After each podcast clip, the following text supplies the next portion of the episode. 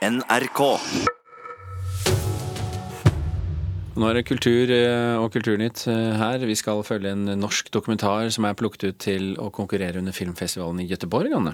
Ja, Det er en film som heter 'Røverdatter', og den er laget av Sofia Haugan. Hun følger faren sin i kampen mot et liv i rus og kriminalitet. Og allerede før filmen har hatt premiere her i landet, så er den altså plukket ut til å være med under filmfestivalen i Gøteborg, som starter i neste uke. Haugar har brukt fem år på filmopptakene. Jeg tror at hvis man ikke klarer å åpne ølen, så er det et tegn på at man ikke burde drikke den. Du åpner en feil vei, for så vidt. Faren til Sofia Haugan har vært rusmisbruker siden hun var liten, og har sittet i fengsel en rekke ganger. Har du vært på hotell og fiksa deg håndklær? I filmen kommer vi tett på både Sofia og faren og problemene rusen fører med seg. Allerede i barndommen kom problemene, og da Sofia var ti år, måtte hun og moren flykte til hemmelig adresse pga. farens oppførsel. Først som 20-åring møtte hun sin far igjen. Hun sier opplevelser og diskusjoner vi er med på i filmen ville skjedd uansett, så med god støtte rundt seg har det ikke vært så vanskelig å ta med kamera på reisen. Jeg har bare mer sånn unnskyldning til å gå inn i det.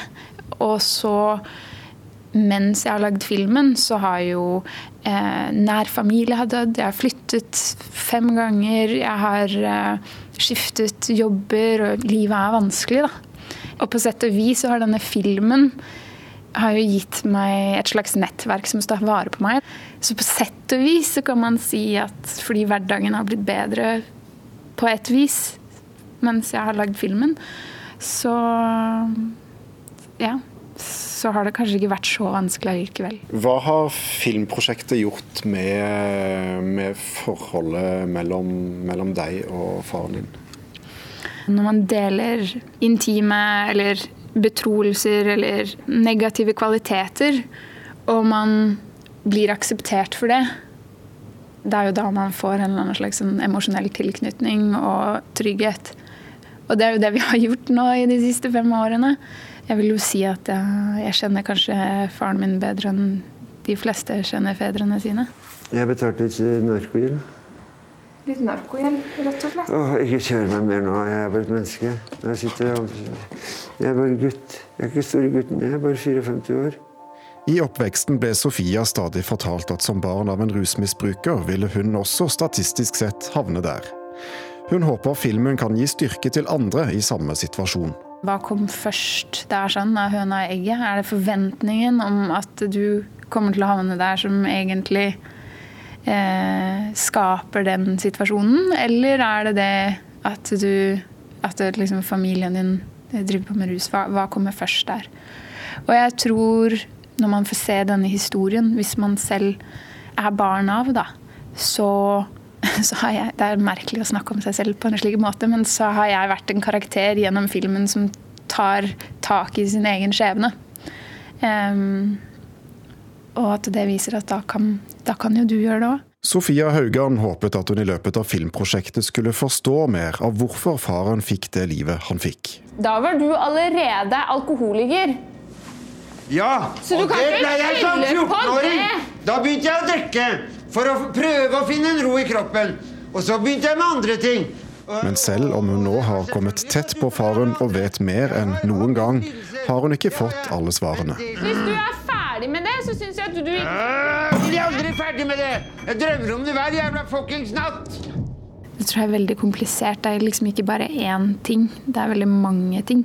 Ehm, Jeg har en idé om mye, men kanskje ikke alt. Jeg har ikke helt forstått det. Det sa også regissør Sofia Haugan, og faren har støttet, eh, støttet, opp om filmprosjektet og godkjent at NRK omtaler det. Og 'Røverdatter' den vises altså på filmfestivalen 2.2 og får kinopremiere 16.3. Reporter her, det var Thomas Alvorstein Ove.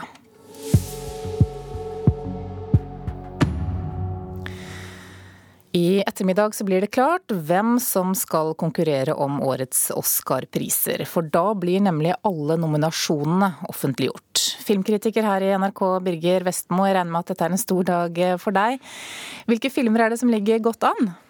Vel, slik det ser ut nå, så er det et knippe filmer som peker seg ut her. Og da vil jeg trekke frem Dunkerque av Christopher Nolan, som gikk på kino i fjor sommer. Den har allerede vunnet en American Film Institute Award for beste film, og flere mindre filmkritikerpriser.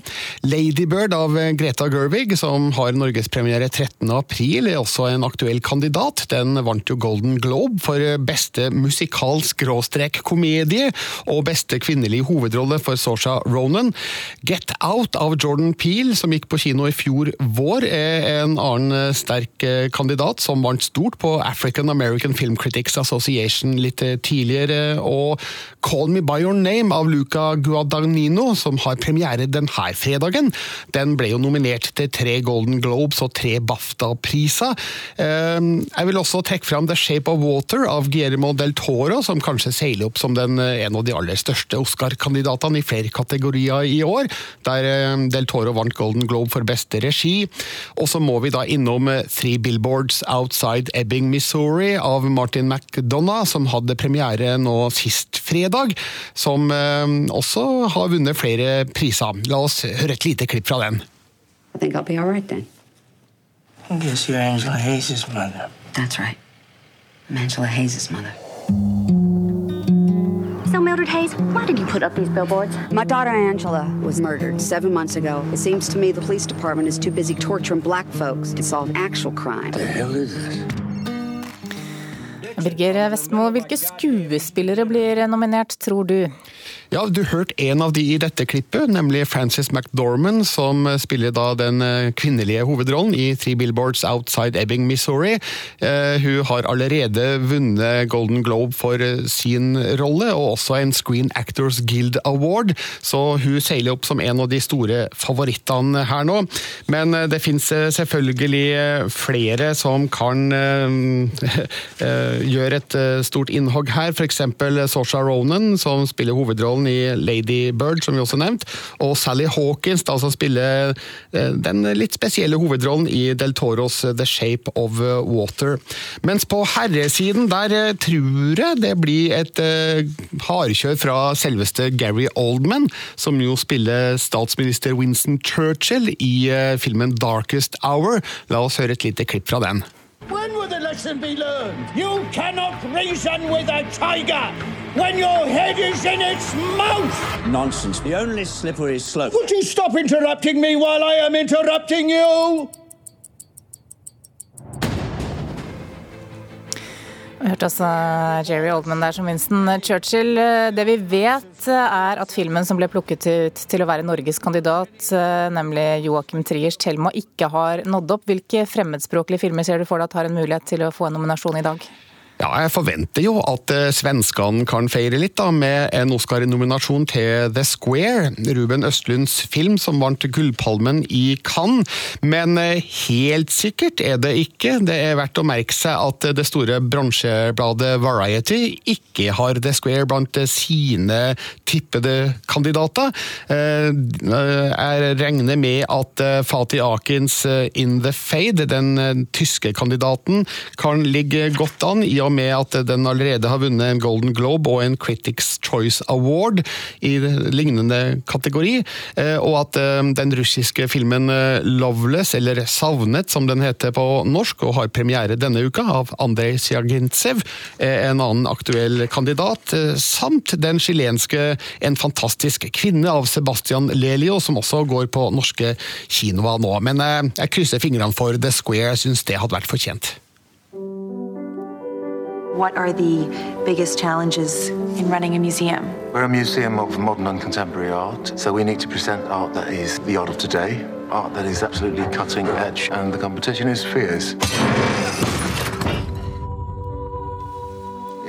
Hørte et eh, klipp fra The Square der. Her i Norge så har vi forhåpninger til Mari Bakke Rises kortdokumentar 'Kayayo de levende handlekurvene'. Eh, vi skal høre litt om hva hun sa da det ble klart at filmen er tatt ut som en av ti forhåndsnominerte i høst, og at den altså kan bli en av de som blir nominert til en Oscar i dag. ja. Det er jo litt sånn absurd, liksom. At uh, det kanskje er mulig. Jeg regner jo ikke med det skjer, men det er jo veldig hyggelig at den har kommet så langt til at den er der den er nå, da. det er veldig stas, det, altså. Jeg har hørt en uh, ydmyk Mari Bakke Riise der, og i tillegg til Kayayo så er også Ola Fløttums filmmusikk til filmen 'Thelma' en av dem som kan bli nominert. Og um, Birger Vestmo, hva kan du si om mulighetene for disse to? Ja, nå tror jeg Mari Bakke Riise har større sjanser enn Ola Fløttum, fordi eh, hennes eh, film 'Kajao' er altså en av eh, ti på den såkalte kortlista, som skal bli til fem. Mens Ola Fløttum har ned én av 141 på sin kortliste, og kjemper da mot store navn som Hans Simmers musikk til Dunkerque, Alexander Desplads musikk til The Shape of Water og John Williams musikk for The Post. Så sjøl om Ola Fløttums musikk til Thelma er veldig, veldig god, så tror jeg det kan bli litt tungt i dette selskapet. Så skal det bli en norsk Oscar-nominasjon i dag, så tror jeg vi skal sette vår lit til Mari Bakke Riise, faktisk. Og Svarene får vi altså i ettermiddag. Takk skal du ha, filmkritiker her i NRK, Birger Vestmo. Vi skal høre at det kan bli slutt på at medier som ikke er tilknyttet en presseorganisasjon, blir behandlet i pressens faglige utvalg. Det er Klassekampen som skriver dette i dag. Og reporter Karoline Tolfsen, hva er grunnen til det? Pressens faglige utvalg, eller forkortet PFU, er jo pressens selvdømmeorgan, hvor man kan klage inn et medie for brudd på god presseskikk. Og Den siste tiden har den alternative nettavisen Resett skapt opp eh, overskrifter. De laget en sak om kulturminister Trine Skei Grande og en hendelse på en fest i 2008. Og Denne nettavisen er ikke medlem av noen presseorganisasjon, men i dag eh, kan de klages inn til PFU så lenge de samtykker til klagebehandling eller at de følger Vær varsom-plakaten. Det kan det imidlertid bli slutt på. Eh, Norsk Presseforbund vurderer å gjøre om på vedtektene, slik at det bare er medlemmer av en presseorganisasjon som kan klages inn. Regner med at det kommer reaksjoner på dette etter hvert. Takk skal du ha, reporter Karoline Tolvsen skal høre at Astrup Fearnley-museet fyller 25 år og feirer med å skape en rekke utstillinger med sentrale kunstnere fra sin egen store samling. Utstillingen åpnet i helgen, og første kunstner ut det er Cindy Sherman. Kunstkritiker her i NRK, Mona Palle Bjerke, forteller hvem Sherman er. Altså, dette er jo den amerikanske fotokunstneren som gjennom hele sin karriere har brukt seg selv som modell, og skapt disse utrolig fascinerende, uhyggelige bildene der hun er opptatt av kroppens iboende skjønnhet og heslighet. Hun har jo fremstilt seg selv både som blendende vakker kvinne, både pur, ung og moden, men også groteskt oversminket aldrende dame. Hun har vært en makaber klovn, et skittent oppgravd lik.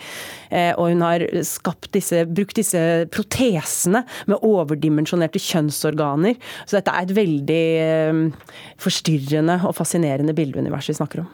Og Sherman er vel kanskje aller mest kjent for sine svart-hvitt-fotografier fra 70-tallet. Får vi se noen av disse bildene i utstillingen?